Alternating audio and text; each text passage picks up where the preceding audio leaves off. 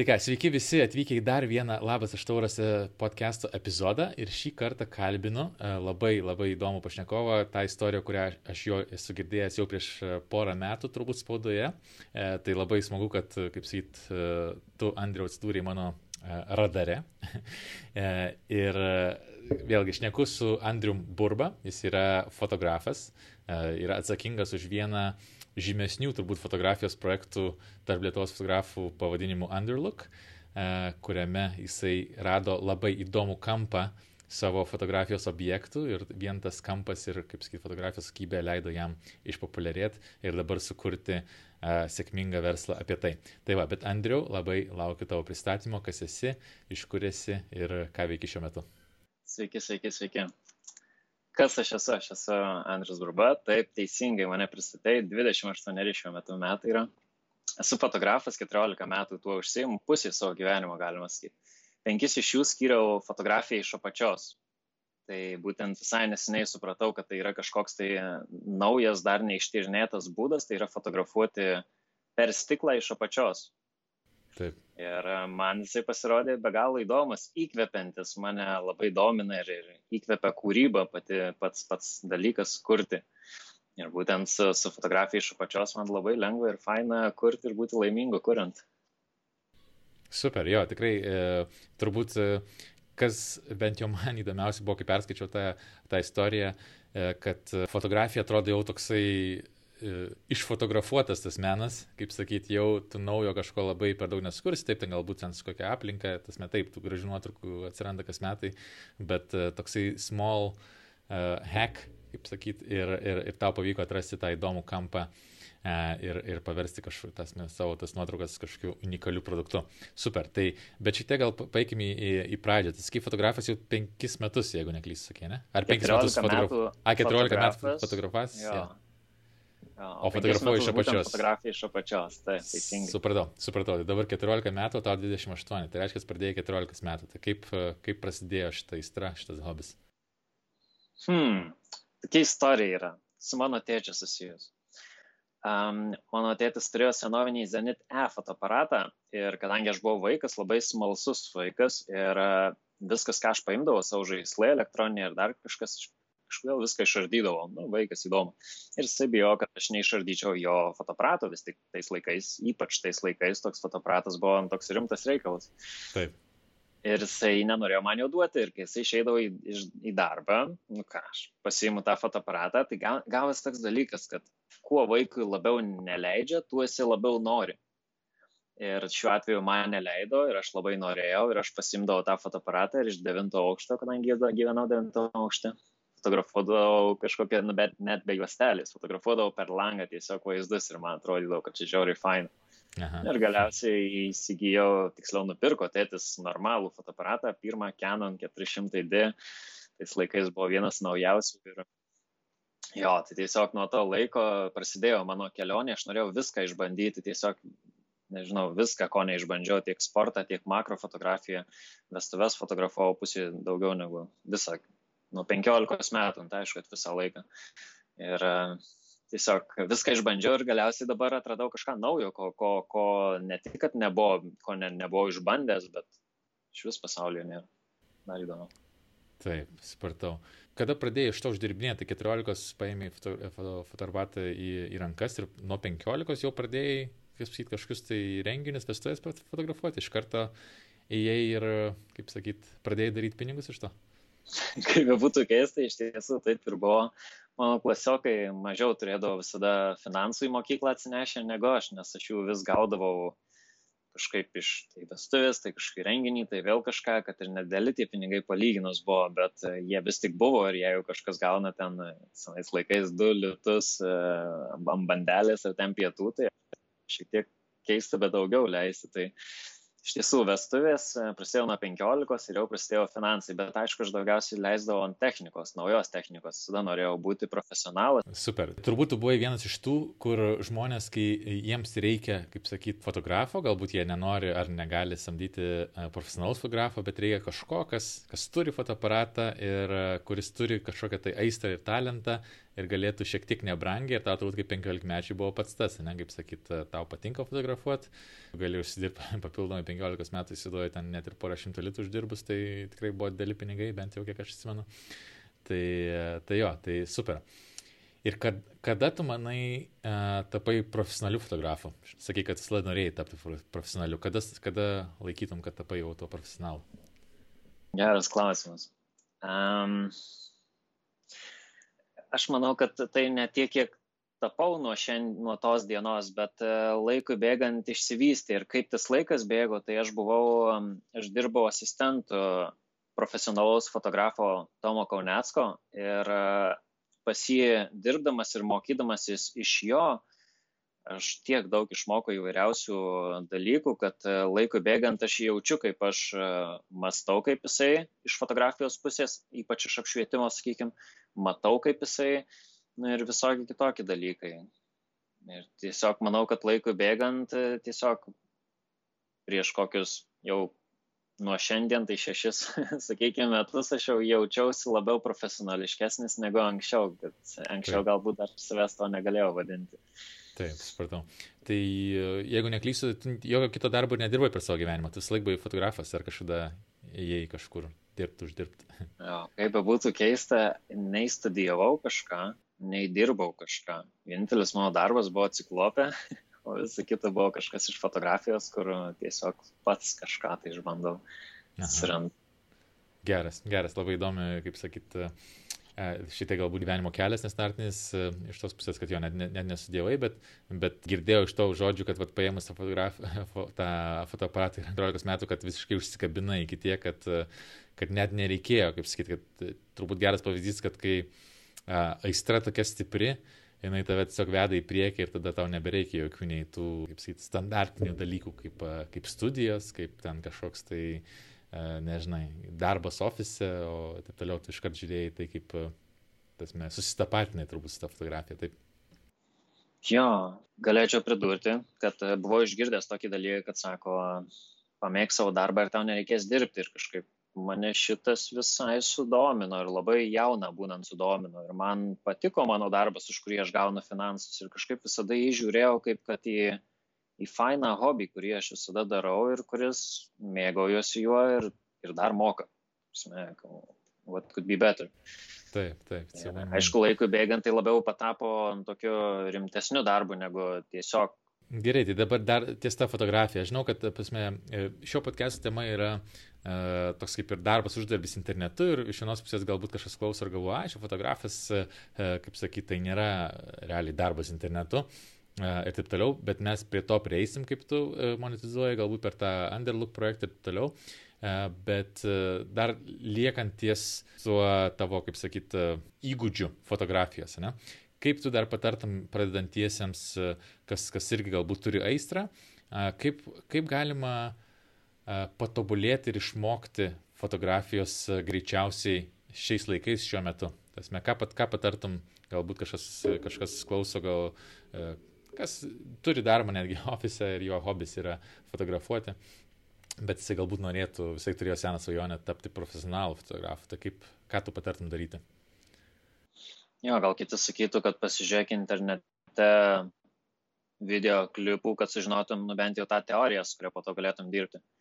Ir tai manau, kad yra gan tiesa, bet uh, man atrodo, kad vienintelis greičiausias ir geriausias būdas tai yra eiti dirbti kito fotografo asistentų ir iš jo mokytis. Aš taip pamačiau, kad tai yra tą kartą toks variantas, jį išnaudojo ir dabar šimtų procentų esu įstikinęs, kad tai vienas geriausių būdų pamatyti, dirbti, kurį laiką būti toje virtuvėje fotografijos, toj pačioj profesionalioj virtuvėje. Iš to viską matyti, prasme, per, per tris metus viskas praeina tris kartus tas pats realiai ir per tą tu galėjau nuspėti, kas toliau būna ir taip tu viską išmoksti ir įeini į rinką, galima sakyti. Tai kalbant apie rinką, kalbant apie profesionalumą ir fotografijos kaip karjerą, tai būtent toks dalykas. Jeigu šiaip pasimokyti, tai practice makes it perfect tikriausiai, kuo daugiau praktikuosi, tuo, tuo daugiau suprasi, Na ir teorija internete, tai iki šiol žiūriu, kai kada ir apšvietimo kažkokius, kokios Aha. naujos technologijos, fotoaparatai, nusimanyti fotoaparatuose labai svarbu, būna kiti fotografai, kurie dirba savo darbą, ima pinigus ir paprašo šalia esančio asistento, kad gal gali fotoaparatą nustatyti arba apšvietimą sustatyti ir man visada pasirodė, kad nu, fotografas turi išmanyti ir fotoaparatą, ir apšvietimą ir jisai kažkaip turėtų dirbti su tuo. Aišku, čia galima dar ginčytis dėl to, kiti galėtų pasakyti, kad asistentai tam skirti. Jo, jo, visada, visada kaip sakyti, gali ginčytis. Liečiant tos ta, tapimų tų asistentų, kas ten per procesas, ar tiesiog, nežinau, susirandi fotografą ir jam rašai e-mailą, ar ten siunti Instagram žinutę, ar, ar, ar kažkaip kitaip. Koks tavo būtų patarimas, kad tapti tuo asistentu? Panašiai, šiaip nėra taip, taip lengva, kaip, kaip norėtųsi. Na, žiūrint, ar aišku, kur, kam, su kuo ir, ir visa kita. Mano buvo patirtis tokia, kad tai yra ciklopas Spring Photo studija ir, na, aš priejau prie Tomo per kažkurį, per kažkurią parodą fotografijos ir pasakiau, kad tiesiog norėčiau būti asistentas ir jisai sako, gerai, ateik pabandysi, pas mus darbas nuo, nuo 9 iki kol paleis. Yeah. Iš tie žodžiai man taip įstrigo ir aš ateinu 9 ryte ir tiesiog jau kada paleidžia, tada paleidžia. Būna 9 vakare, būna 11 vakare, būna 4 vakare, kitą dieną vėl nuo 9. Tiesiog tai yra be galo sudėtingas reikalas, bet norint to išmokti, tai tiesiog reikia ir, ir dirbti. Mhm. Ir padėjo, tas mes tam fotografijos versle ir industrijoje nelabai sukuosi, man nei žodis ciklopas, nei, atsiprašau, pono Kaunetsko, jo pavardė irgi, irgi nelabai man kažką sako, bet, bet aš įsivaizduoju, kad jisai kažkoks turbūt turi, turintis svorį fotografas, ne? Tai ar tas po to padėjo?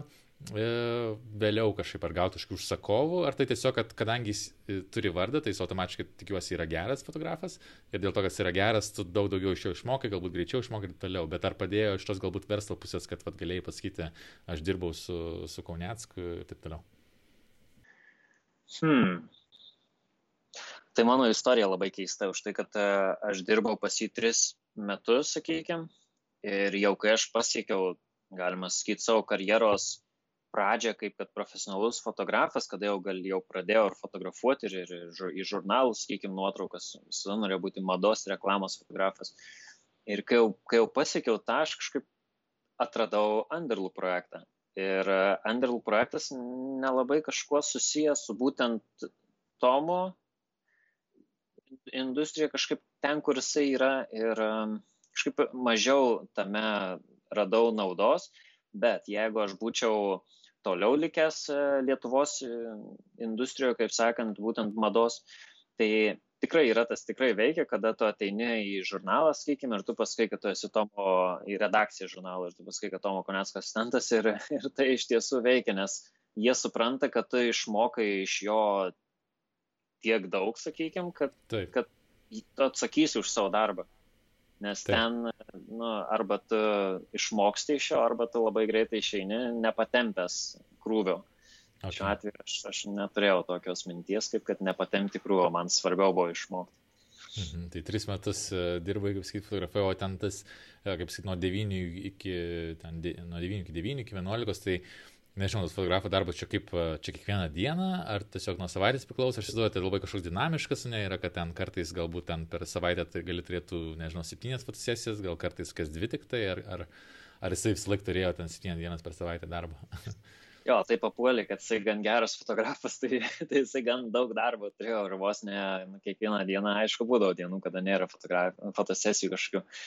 Bet e, jo, visada būdavo darbo, tu prasme, visada eini į darbą ir visada ten būni ir jeigu nėra fotosesijų, tai o, puikiai diena tvarkytis studiją. Tai prasme, čia tas, tas ir buvo sudėtingiausia, kada aš ateinu pirmom dienom ir teoriškai niekam nereikia, niekas nenori tokio žmogaus, kuris iš paskos vaikščia ir trukdo tam tikrą prasme, nes nu, kol jisai įsivažiuoja, kol ką susipažįsta, tai jis tada duoda tau sudėtingiausius darbus ir arba tu juos darai ir jiems iš to nauda, kad tu tai darai, arba jie tiesiog, arba tu nepatempi ir išeini ir toks ir gaunasi.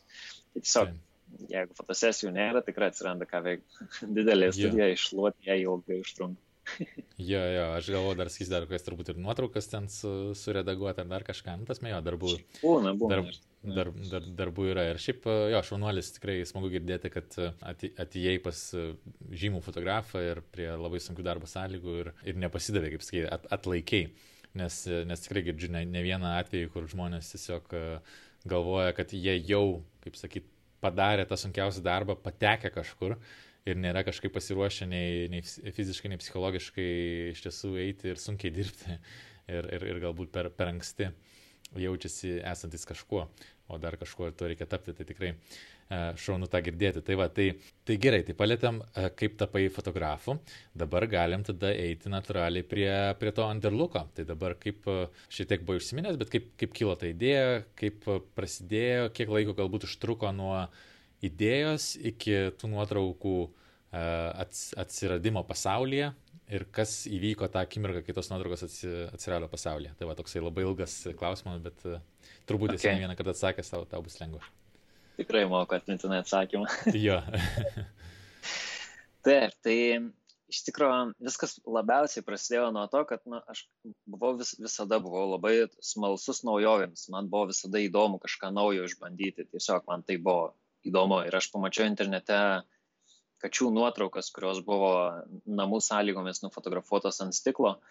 Ir man buvo įdomu, pasirodė juokinga, kaip jos užlenkė pėdutes, taip kažkaip gulėdamos. Ir aš pagalvoju, aš, aš, aš, aš esu auginęs katę, esu matęs, kad jinai taip guli, bet niekada nepagalvoju, kaip tai atrodo iš apačios. Ir tada man kilo idėja, tai ko dar aš nesu, nesuprantu ir nesu matęs, gal dar ten kažkokių yra dalykų, kurių mes niekada nesame matę. Žodžiu, aš turėjau šitą mintį apie metus laiko, neturėjau tam aišku laiko, nes ciklopė dirbant, nu, ten ne visada turi laisvo laiko, bet e, gal labiau neturėjau, nesugalvojau, iš kur aš tiek kačių gausiu vienoje vietoje, vis tiek norisi projektą daryti, o ne, o ne vieną katę nufotografuoti. Ir tada vieną dieną sugalvojau į kačių parodą.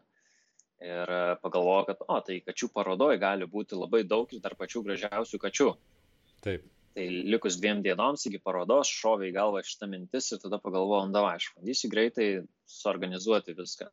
Pasiskambinau organizatoriams, bandžiau paaiškinti, ką aš noriu daryti ir nesu įstikinęs, ar jie suprato.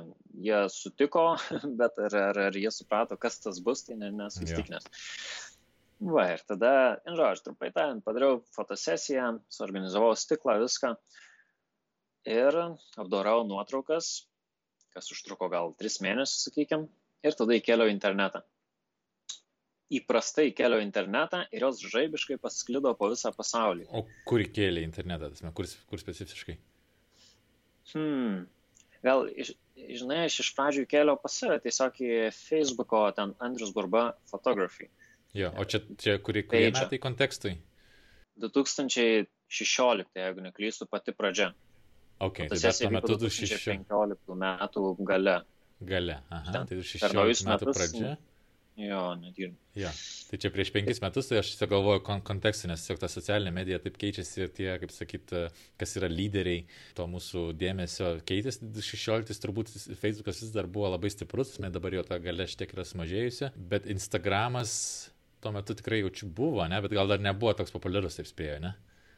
Jo, buvo, bet aš Žinai, bet gal net ne kiek Facebookas man nulėmė visą sėkmę, kiek manau, kad Borat Panda. Lietuviai Borat Panda ir aš pirmą kartą surizikavau tiesiog įkelti. Aš net ten pasirodo, kad galima patiems įkelti ir kas nori. Ir aš įkėliau nuotraukas į internetą ir ten einantys žmonės gali apvautinti. Reiškia, kad jeigu jiem patinka, jie paspaudžia vote ir kuo daugiau vote susirenka, tuo labiau patenka į sekantį etapą, kur daugiau žmonių pamato.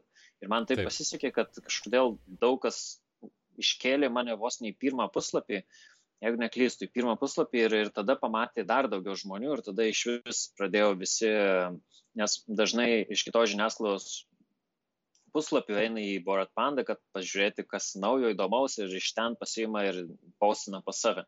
Tai šiuo atveju taip ir buvo, kad Borat Panda išplito po visą pasaulį, visi pradėjo dalintis ir tai pradėjo visi matyti. Ir už dviejų savaičių gavau vokiečių knygų leidyklos laišką su pasiūlymu išleisti knygą su nuotraukomis. Geras. Ir tai man atnešė ne tik knygą, bet ir pirmus finansus. Ir man atsivėrė viskas tiesiog, kaip gali, kad aš tokią fotosesiją padariau, tiesiog man buvo be galo įdomu ir dabar iš niekur nieko, aš jau turiu ir knygą išleidęs, ko anksčiau niekad gyvenime nebūčiau išleidęs, tikriausiai kažkaip net nebuvo tokio suvokimo, bet aš turiu finansų, kuriuos galiu dar kažkur tai padėti dabar, tokie atliekami gan dideli finansai palyginti. Taip. Tada nusprendžiau, kad noriu investuoti į sekantį projektą, tai yra šunų fotosesija. Tai kadangi jau turėjau finansų, galėjau šiek tiek pasiruošti tam, sukūriau stiklą, stalą tam, tam pritaikytą, nuvažiavau į Šiauliuose esančią šunų parodą, nemokamai fotografavau, kas nori šunis, nusinčiau knygų leidyklai nuotraukas parodyti ir jie iškart pasiūlė išleisti dar vieną knygą. Aš labai nustebau, kad faina, prasme, kaip taip, kaip taip lengvai viskas gali sklandžiai yeah. eitis. Ir tada gavau dar daugiau finansų. Ir tada pagalvojau, nu gerai, kur man juos dėti. dar pasitaupiau šiek tiek ir tada pagalvojau, ar man juos šiaip kažką nusipirkti fotoaparatą, ar dar į sekantį projektą investuoti. Ir tą dieną su Tomu dirbom tiesiog fotosesijoje žirginė. Ir aš žiūriu į tos žirgus ir pagalvoju, niekad nesu žirgo matęs iš apačios. Nuo to laiko pagalvoju, tai jeigu aš bandyčiau ant stiklo žirgą nufotografuoti ir aš okay. buvau įstikinęs, kad tai yra tiesiog nelabai įmanoma, niekas to nėra daręs ir aš nesu kažkuo išskirtinis žmogus, kad man tiesiog turėtų pavykti, bet ta idėja mane kažkodėl užvedė, žinai, kad kuo, kuo didesnė, kuo sudėtingesnė ir labiau neįmanoma idėja, tuo labiau mane įkvėpė. Taip. Ir tą kartą aš toks buvau įkvėptas, kad aš pusė metų galvojau, kaip tai padaryti. Ir galiausiai išėjau iš savo mėgstamo darbo, skyriau mėnesį laiko viską suorganizuoti ir per savo 24 gimtadienį susiorganizavau savo pirmąją žirgų fotosesiją. Nu, va, ir nuo to ir prasidėjo visas Underlų projektas. Galima Supratau.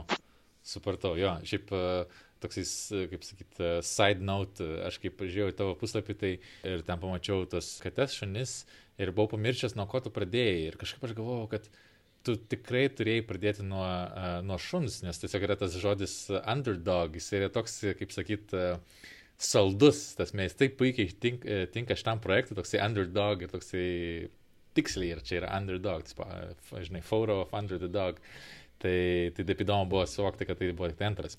Anyway, bet grįžtam šiek tiek vat, prie, to, prie to pirmo dylo su, su knyga. Tai kas ten buvo per dylas? Ar tai buvo uh, kažkoks tai fiksas, tiesiog gavai fiksą, ar tu gauni dar tas vadinamas, kaip čia skaitas, royalties, nežinau kaip lietuviškai, kur tiesiog procentą nuo kiekvieno pardavimo, ar, ar koks ten buvo finansinis dylas? Nebūtinai skaičiais tas mečia gali savo pasakyti. Ja, tai realiai koks principas yra, kad uh, pasirašant kontraktą jie sumoka royalties ką ir tu įvardinai, tai yra pinigai į priekį.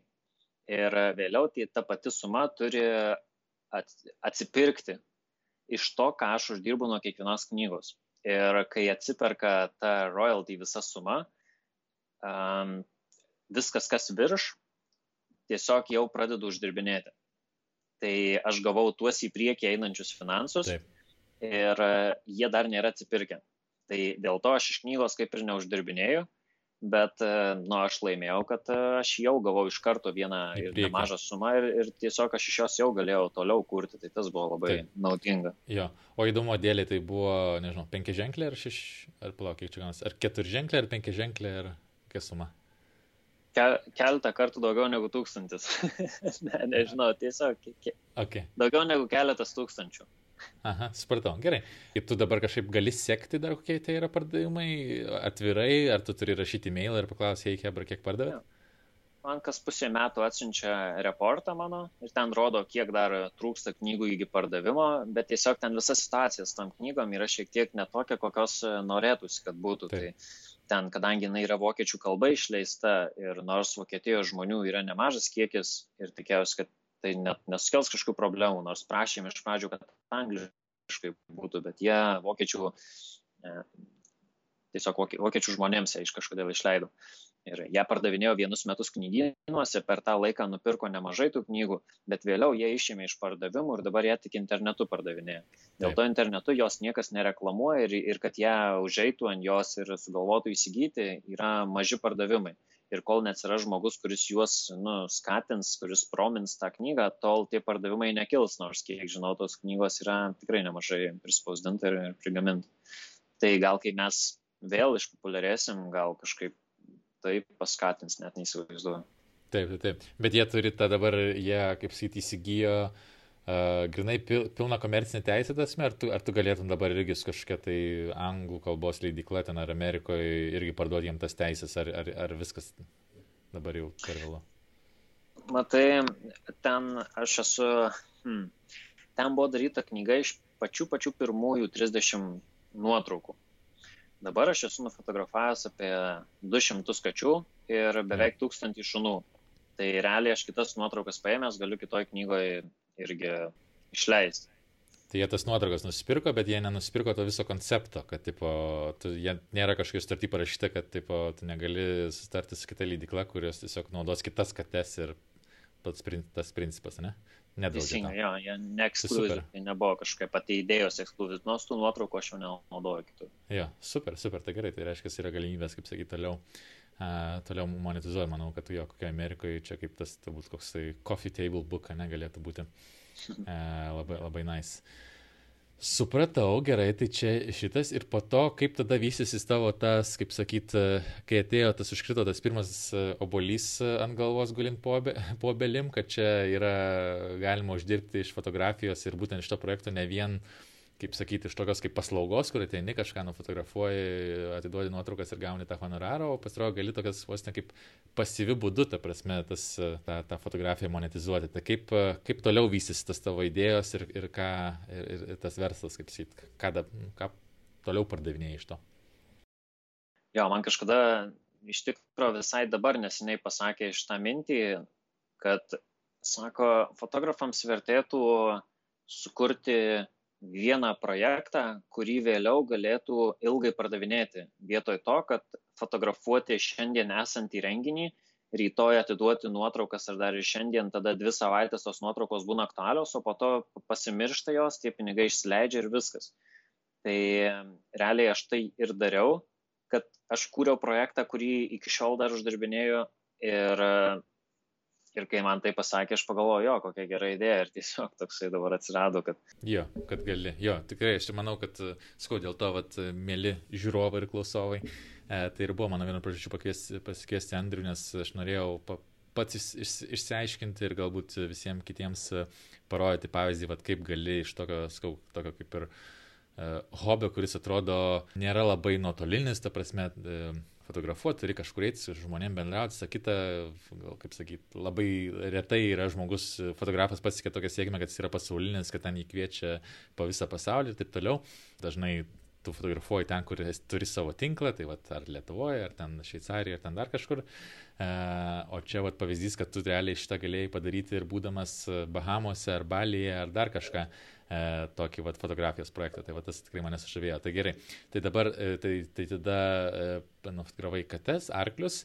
Kaip, skau, iš, iš, kaip dar iš to išdirbi? Dabar tu pats turi tokią figieną džemperį su kate, ar tu pardavinėjai tokius, tą, tą vadinamą merch, e, kur vat, kažkokius rūbus, ar plakatus, ar dar kažką, ar pardavinėjai ir jie pardavinėjai, kaip sekasi? Manau, reikėtų grįžti prie to, kad Taip, aš kuriu penkis metus šitą idėją, šitą projektą, bet e, du pirmi metai buvo kitokie negu likę trys.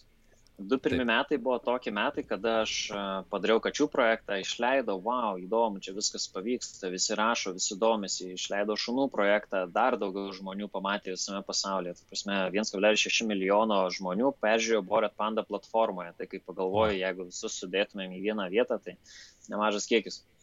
Ir e, tada padariau arklių projektą, pamačiau, kad juo irgi labai domisi, prasme, ko ne dar daugiau ir, ir dar didesnės galimybės atsiveria. Ir e, maždaug du metai praėjo po visko.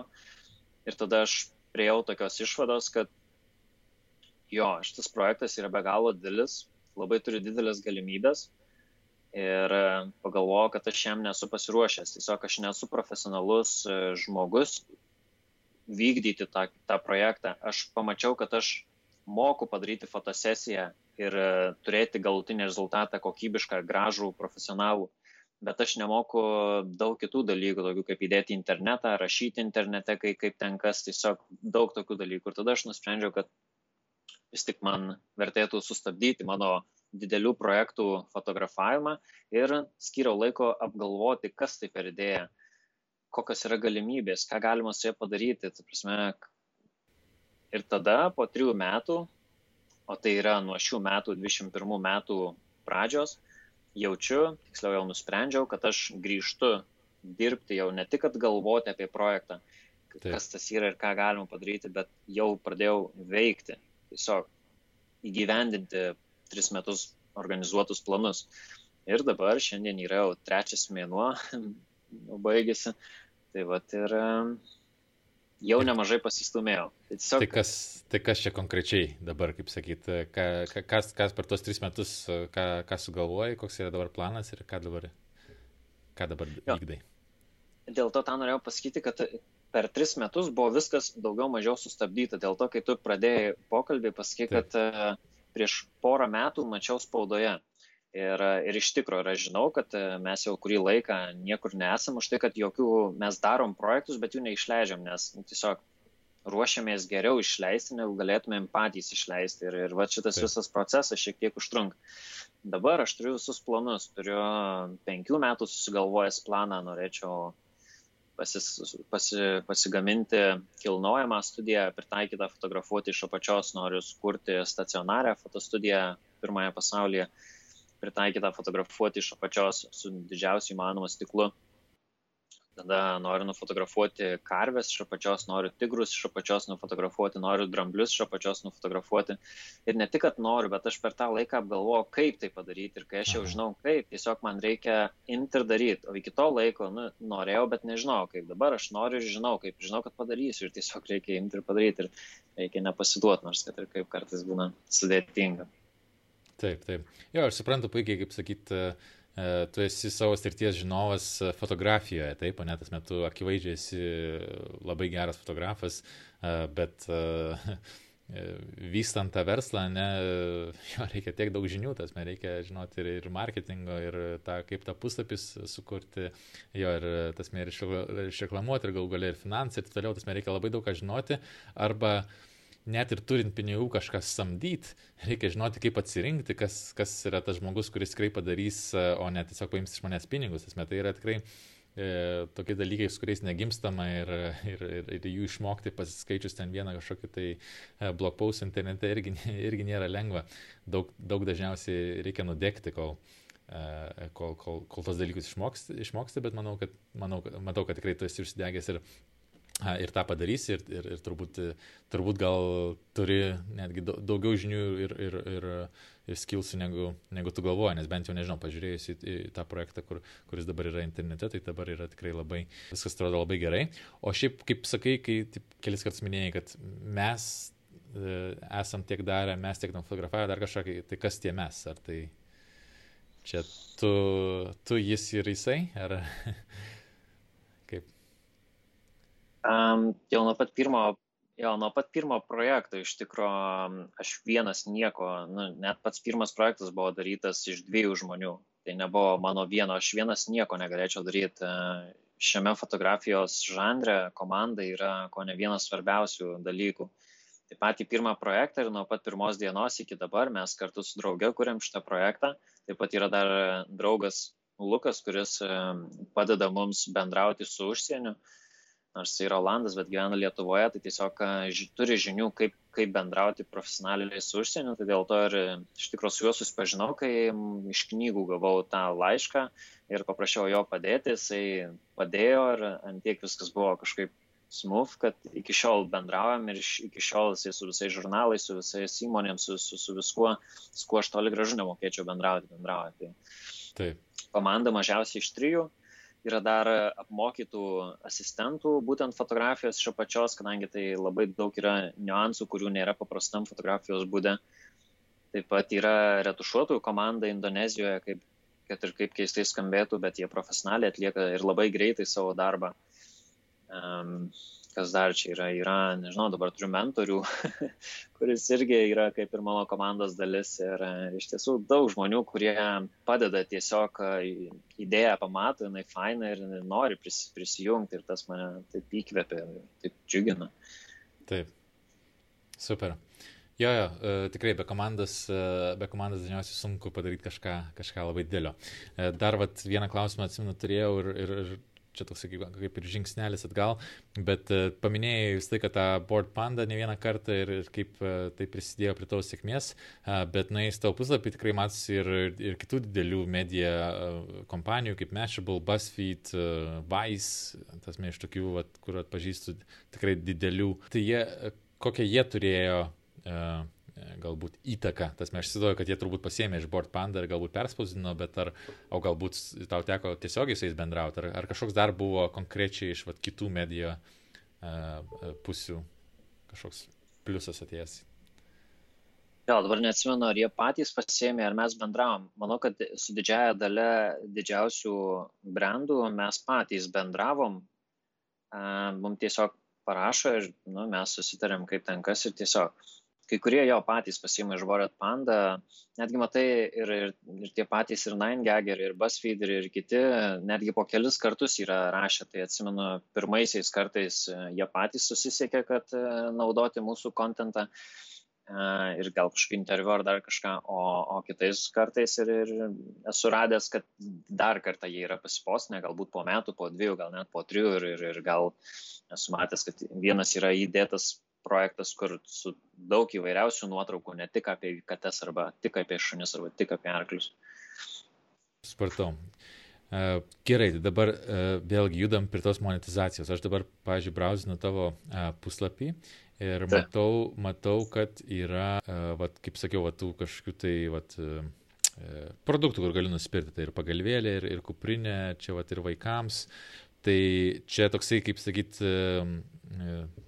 tik dabar tu jį pradėjai, o šiais metais čia vienas iš tų dalykų, kuriuos norėjai pradėti nesenai, ar čia tu pradėjai seniau, tas man apie šitą būtent e-komercijos dalį, kaip, kaip jis įsikūrė, kada įsikūrė ir kaip sekasi.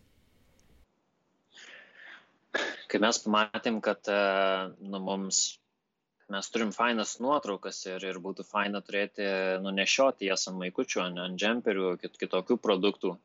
Pagalvojom, jo, čia papildoma galimybė užsidirbti bus, bet uh, tikriausiai tai buvo tas dalykas, apie kurį mes dabar galvojam kaip apie mini klaidą, kur labai susikoncentravom į, į būtent gamybą tų maikučių spausdinimą, kadangi viską darom profesionaliai, kokybiškai, tai mums reikėjo ne šiaip savo belę atspausdinti ir parduoti, bet ieškojom geriausio varianto, tas atimė be galo daug finansų ir, ir dar daugiau laiko kad išrasti geriausius rūbus, iš pradžių ir patys gaminom rūbus, suspausdinom netgi ne Lietuvoje ir tai be galo buvo sudėtingas procesas ir aišku Taip. Lietuvoje, kaip be būtų keista, niekas kokybiškai nedirba, jiem nesvarbu, kaip, kaip dirba, paėmė, atspausdino, pasižiūri, viskas žalia ir sakau, čia žalia, kur čia žalia. Tai tiesiog įvairiausių, įvairiausių problemų buvo, kurios atimė be galo daug laiko ir jeigu tą laiką būčiau investavęs vėl į fotografiją, galbūt dabar būtumėm daugiau kažką tai nuveikę. Bet kokiu atveju tie visi produktai yra sukurti, yra tas kelias praeitas. Um, va, tai mes iš to gal pakankamai neuždirbam šiuo metu už tai, kad mes neskiriam laiko reklamuoti. Taip. To. Tiesiog, jeigu tu nereklamuoji, jeigu tu sukuri produktą, sukuri parduotuvę, įdedi internetą ir lauki, uh, toli gražu nieko nebus, labai keista. Bet reikia ten tuos produktus įdėti į Facebooką, reikia juos reklamuoti, reikia žinoti, kaip reklamuoti. Jeigu siūlysi vienaip ir pasirodys per daug įkyru, gali žmogus sakyti, nu čia man siūlo, aš kažkaip net nenoriu žiūrėti, tiesiog gal apgaus, gal dar kažką. Ir labai sudėtinga šitas procesas viskas. Tai pakol kas esam sustabdę visą šitą reikalą, kai, kai kurie dar produktai yra galimi nusipirkti, bet kai kurie yra tiesiog net negalimi, yra sukurti ir viskas. Tai pakol kas dabar kadangi ta visa pertrauka buvo trijų metų, kada viskas vyko apmąstymuose. Taip. Tai dabar planuojam, nu ką, jeigu pradėsim viską iš naujo, galbūt atsiras žmogus, kuris bus atsakingas tiek už produktų, nu tarkim, kažkas užsako, jį reikia užsakyti, jį reikia pagaminti, supakuoti, išsiųsti, kas yra be galo daug laiko ir reikalų. Gal tada iš naujo viską galėsim padaryti, kadangi jau didžiąją dalį esam praėję.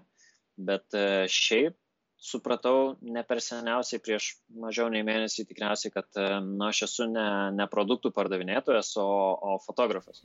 Ir Taip. aš tikriausiai norėčiau labiau koncentruotis į fotografiją ir kurti tuos paveikslėlius. O šitie rūbai, uh, visokie, nu taip, faina, papildomas už, uždirbimas, faina mugėse pasiūlyti žmonėms, e, tėvelis gali parnešti ten dukrai ar sūnui kažkokį naują įdomų rūbą, kuris džiaugsis, klasiokai galbūt e, žiūrės, kažkaip džiaugsis kartu. Tai buvo tas dalykas, bet bet mes neužsėmėm jo reklamavimu, kaip ir dėl kitų dalykų, dėl ko viskas buvo sustabdyta. Nu, nemoku šitą Facebooką rašyti profesionaliai, taip kaip aš norėčiau, taip kaip aš matau taip. tai. Dėl to buvo sustabdyta ir dabar jau galvojame apie reklamos agentūras, apie visokius kitokius kažkokius profesionališkesnius dalykus. Tai taip ir su visais rūpais. Jo, manau, kaip sakyti, čia tavo atvejis yra puikus, kur, kur va, turi, uh, turi kokybišką produktą ir, ir, ir kokybiškas, kaip sakyti, mintis ir nusteikimą ir požiūrį, bet jo, galbūt, galbūt reiktų kažkokios agentūros, kažkokios pagalbos, kad tas tavo mintis profesionalas paimtų ir įdėtų į tokį, uh, įviniotų į tą papirėlį, kokį reikia ir, ir, ir parduotų, ir tai būtų kažkoks tai win-win. Tai uh, supratau. E, ir, ir kaip sakyt, ir, ir dėl to dar buvom, kai buvom off the record, kad e, man labai visada ir, ir įdomu išgirsti, tas mes šio podcast'o nėra esmė šnekėti vieną apie laimėjimus ir ten sukurti tokią iliuziją, kad, kad viskas visada eina žinai, tiesiai į priekį ir visi projektai visada pavyksta ir taip toliau, taip toliau. Tai netgi tokie, tas mes iš pažiūros tikrai sėkmingi projektai, jie, jie visada turi, tas metas kelias laik yra um, vingiuotas. Uh, Supratau, supratau. Um, tai dabar dar tada apie tos planus. Tiesme, tai minėjai, kad, me, kad e, apie, apie studijas įvairias, apie skirtingus gyvūnus, kuriuos nori uh, nufotografuoti. Tai dabar kaip tas vyks, um, tas me, kas dar tu planuosi, šiek tiek pasidalink, kaip tas projektas vyks, ar, ar tu tą dramblį uh, siūsės pas save į studiją. Uh, ar, ar kaip ten viskas bus ir, ir kas bus po to, kai tu nufotografuosi daugiau tų gyvūnų. Tapsme, kas, kas, koks yra planas e, su tom nuotraukom, ką tu nori su jom daryti po to. Tai dramblio tikriausiai neatsisiųsiu. yeah. kaip, kaip tai vyktų tiesiog. Žinau, kad traukiniais drambliai gabenami, kad su cirku kas susiję. Um, pavyzdžiui, norėjom Rusijoje fotografuoti tigrus Ir e, tada pagalvojom, kad gal juos vertėtų į Lietuvą pasikviesti ir čia juos nufotografuoti. Ir supratom, kad į ES negalima įvežti tigrų. Tiesiog, tai va, tokia problemytė iškilo ir tą kartą atšaukėm viską ir ačiū Dievui, kad atšaukėm. Um, taip, nuo ko pradėti? Uh, mano planas, tai šiuo metu, pavyzdžiui, ruošiuosi projekto pristatymą, bandau suprasti, tai kasgi aš esu, ką aš noriu daryti tiksliai, ir e, kaip tai pristatyti rėmėjui. Planuoju ieškoti rėmėjų, kadangi mes darom dalykus, kurie yra neįmanomi realiame gyvenime. Tai reiškia, neįmanoma žemė, ant kurios mes vaikštom, nėra permatoma ir mes negalime po ją palysti. Ir ką aš noriu padaryti, tai sukurti tokią galimybę, kad žemė taptų stiklu ir po apačią mes turėtumėm vietos, kur galėtumėm palysti, užvesti ant stiklo kažkokį objektą, daiktą, gyvūną ir tiesiog jį nufotografuoti. Tai reikia rėmėjų, tai yra brangus malonumas, bet e, labai didelės galimybės ir tai yra labai įdomu, nes niekas pasaulyje to nėra matęs, mes tiesiog net neįmanoma pamatyti iš apačios, mes galim palysti po žirgu, bet negalim palysti po kanopom. Ir tai supratęs, supratau, kad man reikia rėmėjų. tai dabar ieško rėmėjų. Rėmėjus radęs jau šią vasarą, dar, dar šią vasarą tikiuosi e, spėti pradėti statyti pirmąją pasaulyje kilnojamą fotostudiją pritaikytą fotografuoti iš apačios. Jis būtų gaminama iš jūrinio konteinerio 20 pėdų, tai yra 6 metrų. Ir jos lubos būtų stiklinės, tiesiog būtų galima per žemę tokią studiją arba pastatyti ant žemės ir antrame aukšte padaryti aikštelę ir tiesiog ten fotografuotis, jeigu žmonėm ar panašiai. Jeigu gyvūnam, tai tiesiog iškasti duobę, įdėti, pastatyti aikštelę aplink ir karvė eina, eina gatve norėjau sakyti. Karvė eina, eina žemė, užeina ant stiklo, pasifotografuoja ir nueina. Kadangi karvė yra pats toks e, svarbiausias fotosesijos modelis, objektas, tai dėl to reikalinga jai kuo mažiau stresos kelti. Nu, tai visą šitą apgalvojus, tiesiog dabar bus daroma kilnojama studija. Tai šią vasarą norim fotografuoti karves, keturias fotosesijas skirtingose ūkiuose, kadangi kiekvienas ūkis labai specializuojasi savo karvių tipe, nori kuo daugiau savo, skirtingų. Savo karvėse. savo karvėse, tai. Ja, aha. ir va, ir tada paroda metų gale tikimės bus įvykdyta, kur nuotraukos bus realaus karvės dydžio eksponuojamos ant lubų. Ir tokiu būdu žmogus turės galimybę stovėti po nuotrauką, kai virš jo galvos yra realaus dydžio karvė stovint stiklų. Tiesiog. Tai to pasaulyje nu, neįmanoma padaryti ir aš noriu suteikti žmogų galimybę pamatyti tai, kas yra neįmanoma pamatyti realiame gyvenime. Super. Super, tikrai, aš įsivaizduoju, man irgi mintis skraidžioja, kad kad e, sukūrus tą, kas skamba tikrai, kaip sakyt, didingai, pirmąją pasaulyje kilnojamąją studiją pritaikytą fotografuoti iš apačios, kad įsivaizduoju, kad e, galima tą pačią studiją e, monetizuoti kažkaip tai dirbant su, su įvairiom reklamos agentūrams, kurie, kurios vad ieško įdomių, įdomių idėjų tiem produktam iš skirtingų industrijų. Aišku, tai galbūt yra šiek tiek limituotas, kaip sakyt, po kažkurio laiko tai pasidarys mušta kortą, bet, e, bet, bet į tą laiką turbūt galima išgręžti tą. E, bet turbūt daugiau apie tą galvoju. E, bet ar nori kažką pakomentuoti apie tai? Norėčiau. Jo, tai kadangi aš supratau per tris metus, kad e, žmogus, matai, kadangi jisai nėra matęs nieko, kadangi tai yra neįmanoma pamatyti kai, nu, iš apačios nieko, tai pirmą kartą žmogus pamatęs vaizdą iš apačios objekto, jisai neturi galimybės suprasti, ką mato. Jisai iš pradžių nesupranta, tada įsigilina, tada analizuoja ir tada, jeigu jisai turi naudoti savo vaizduotę tam, kad jisai galėtų suvokti, kas tai ir kaip tai buvo nufotografuota. Ir tik tada jisai gali suprasti. Tai būtent reklamos industrijoje, tai tas ir yra nu, pats populiariausias reikalas. Tai prasme, kas nenorėtų, kad jo produktas žmogus pamatęs ne šiaip praeitų kaip kad vienas iš visų reklamų, bet tiesiog eitų ir pamatytų ir, o tai kas čia kaip čia, ir jisai analizuotų ir po to ant viso analizavimo jisai liktų ilgiau. Nu, pavyzdžiui, yra karvės nuotrauka. Ir pirmą kartą pamatęs, tai, kaip tu įsivaizduoji, nu, tiesiog ar tau pavyksta suprasti, kad, kad tai yra, na, nu, čiugi karvė iš apačios. Vis tiek, tu, tu, tu toksai, taip kaip čia jinai čia skrenda, ja. neskrenda. Ta, ja, ta, ta, ta, ta galva kaip ir atrodo, tas, jo, ta, ta galva dalis kaip ir atrodo gerai, bet tas kūnas kažkoks atrodo kaip ir jo, kažkoks kraidžiantis. jo, tai tiesiog žmogus neturi galimybės, neturi asociacijų iš anksčiau savo atmintyje. Dėl to jisai turi naudoti vaizduotę. Ir jeigu vaizduotės nenaudoja, jisai nesupranta tiesiog, nes su vaizduotės pagalba tu gali suprasti, kad čia iš apačios ir tada pasižiūrėti. Reklamos industrijoje tai bus faina. Tai čia grįžtant prie to klausimo, kai tu klausė, ko, kokie planai yra. Tai gerai, karvių projektas taip, tigrų projektas sekantis bus po trijų metų, tada sunkiausias pasaulyje sausumos gyvūnas, dramblys. Ir e, tada aš jaučiu, kad mes turėsim pakankamai patirties, kad galėtumėm tapti šios ryties profesionalais ir galėtumėm pasiūlyti profesionalias fotografijos iš apačios paslaugas reklamos ir kino industrijoje visame pasaulyje.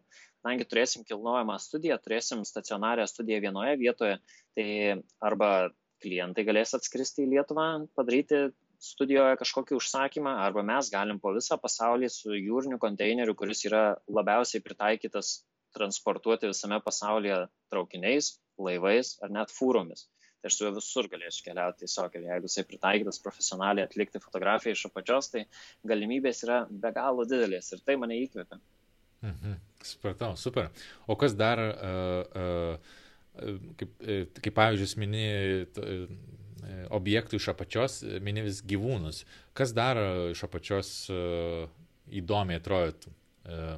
Nes šiaip galvoju, žinai, šiaip galvoju, kai galvoju apie produktus, man kažkodėl tai nežinau, šie sausainiai ten kyla idėja, tai galvoju, žinai, sausainių pakelis iš apačios yra nieko kažko tokio įdomu, bet kas dar, kas, kokios dar tavo mintis yra, kokia kategorija produktų ar objektų yra įdomus iš apačios? Skisiu du pavyzdžius, kad uh, neišsiplėsti. Taip. Vienas. Um, įsivaizduok iš šono, taip, įsivaizduok pole dance šokėjus, ne, kur ant stulpo šoka.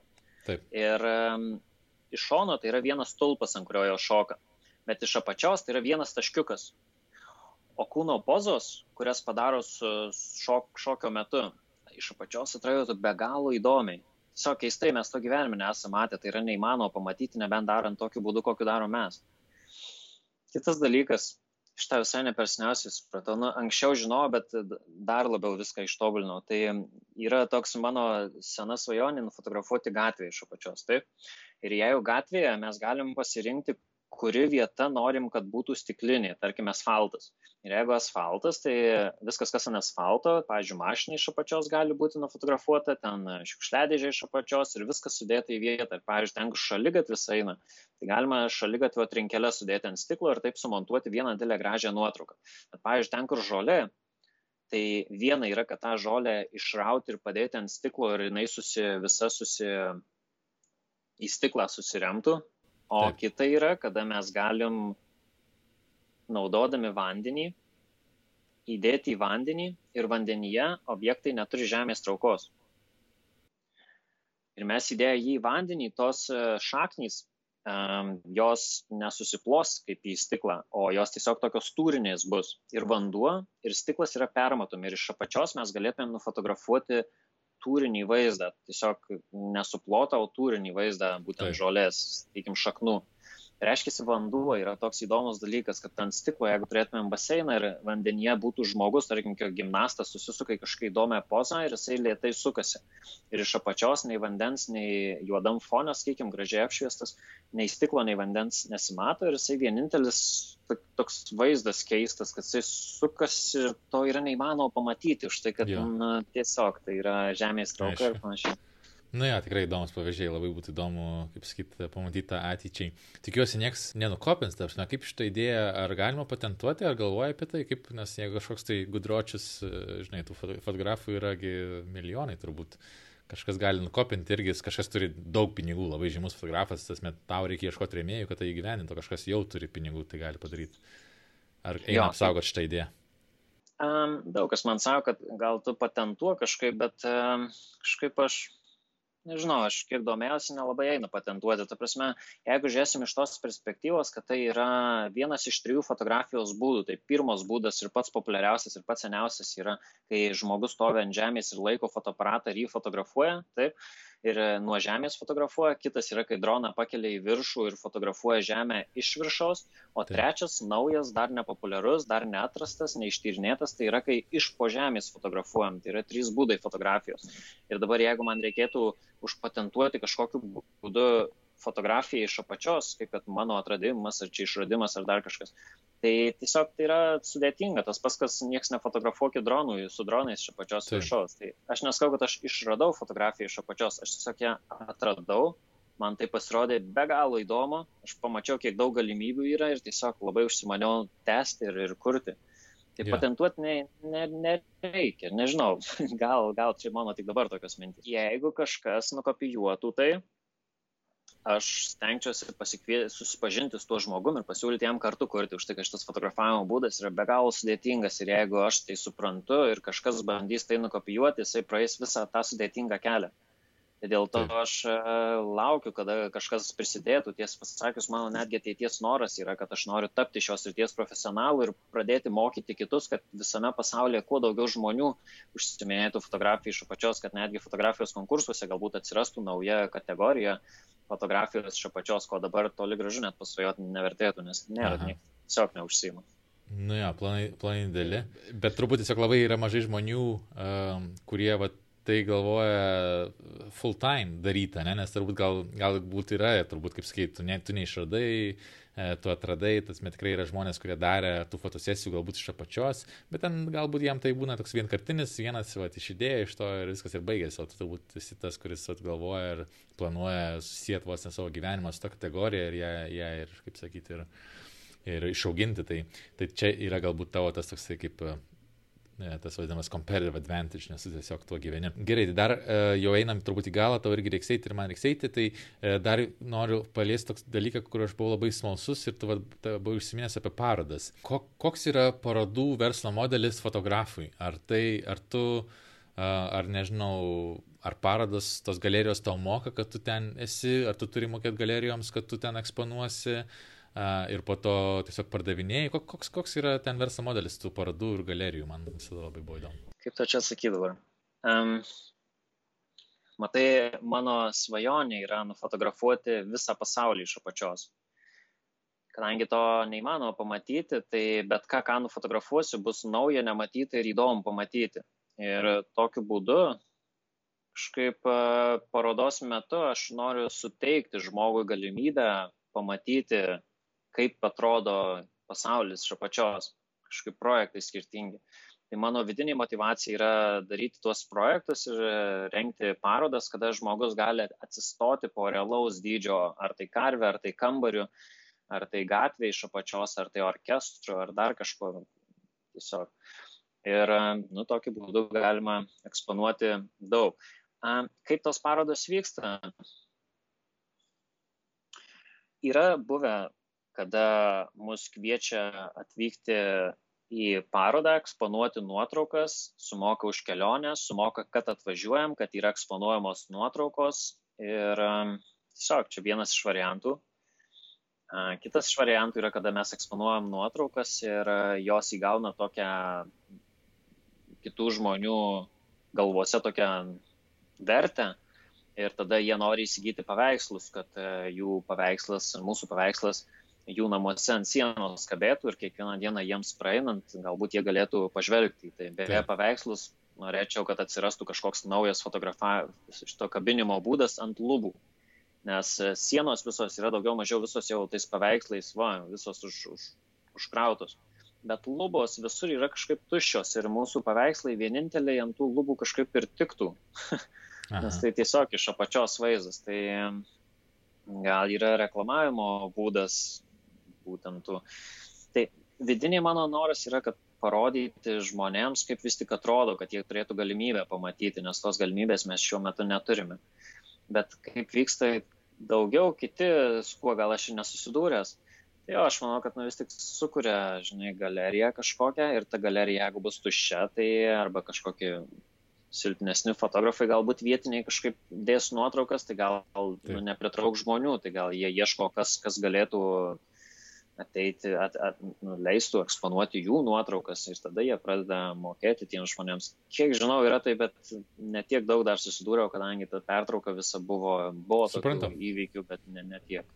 Suprantu. Tai super, tada ačiū Andriu, tikrai pasidalinai, labai daug apšnekėjom uh, ir išgirdau uh, labai didelės svajonės, ačiū, kad pasidalinai su manim ir su, ir su mūsų žiūrovais ir klausovais, uh, sukurti tą naują fotografimo kategoriją, e, tapti, sukurti tą studiją pirmąją pasaulyje, tokias revoliucinietiškas, nežinau kaip tas žodis, e, idėjas, nesvarbu, e, kaip, fotograf, kaip paveikslai ant lubų, tas mes išgirdau tikrai labai daug įdomių ir didelių idėjų, svarbiausia, kas yra nuostabu ir kaip mes tarėme dėl šito pokalbio, tarėmės, ar, ar geriau pašnekėti dabar, ar kai jau tos idėjos bus įgyventos. Tai man tikrai super, kad tikrai pašnekėti dabar, nes labai norėčiau su tavim e, vėl pakalbėti iš už, uh, už metų, už kitų, pažiūrėti, kaip tos karvės atrodo ir toliau, ir tiesiog pažiūrėti, kaip tas tavo tas kelias tęsi toliau. Tai va, o dabar tai tiesiog sakau, tikrai ačiū, kad dalyvavai ir toksai paskutinis dalykas, kaip jeigu žmonėms pasirodė įdomi tavo istorija ir galbūt jie nori ar prisidėti, ar įsigyti kažką, ar tau padėti, kaip geriausiai su tavim susisiekti ir, ir, ir jo, kaip tai padaryti. Hmm. Jo, nesam visiškai pasiruošę, kad žmonėm leisti labai lengvai mums kažkaip padėti, bet uh, bet koks e, paveikslų įsigijimas yra tikriausiai geras padėjimas, nes ne tik, kad mes ateinam pas jūs į namus ir ištisai būnam jūsų namuose su savo kūryba, bet e, aišku, iš to ir uždirbam ir iš to galim kurti ir toliau didesnius projektus, toliau įdomesnius projektus, vystyti visą šitą. Aišku, yra Facebook'e dalinsimės visą informaciją, kurią kuriam mūsų puslapyje, žinoma, Instagram'e. Tai visus šituos e, kviečiu tikrai būtų įdomu, kad mano tikslas yra įkvėpti kitus kūrėjus, kitus menininkus ir kitus žmonės, kad e, viskas yra įmanoma, netgi tai, kas yra neįmanoma. ir jeigu yra neįmanoma pamatyti pasaulio iš apačios, tai aš noriu sukurti tokias sąlygas, kad būtų įmanoma. Tai tiesiog dabar išgirdom, e, kokie būtų norai mano, kokios svajonės ateities ir pažiūrėsim už metų, už dviejų ar net už penkių metų, kaip viskas išsipildys, gal viskas pasikeis, bet e, gal kaip tik viskas išsipildys. Tiesiog nieko nėra, dėl ko neturėtų pasi... nepavykti mums, suprantate, viskas pavyks. Tiesiog. Taip, taip, taip, tiesiog reikia laiko, darbo, pastangų ir, jo, galbūt šiek tiek gabalėlė sėkmės, bet uh, bet su aiškiais planais ir sunkiu darbu tikrai, tikrai turi pavykti. Tai va, bet tavo puslapis yra underlook.org, ne? O Instagrame ir Facebook'e kaip paskyra pavadinta? Underlook Project. Yra, Underlook Project. An, jo, Underlook Project yra būtent Instagrame, o Facebook'e įrašius Underlook turėtų rasti, tik yra du Underlook puslapiai, tai vienas yra skirtas e, viso pasaulio žmonėms, tarp jų ir lietuviams, o kitas yra koncentruotas tik Lietuvos žmonėms, kuriame mes rašom lietuviškai ir skelbiam informaciją tik lietuviams apie parodas, apie fotosesijas ir, ir apie kitus dalykus. Supratau. Gerai, tai mes tos linkus kaip sakyti dėsim, kur tai galėsim. Tai va, o dar kartą noriu tiesiog padėkoti Andriu už tavo laiką ir už tavo istoriją. Ir sėkmės, Super. Ja. Dėkuoju tau, tau irgi sėkmės.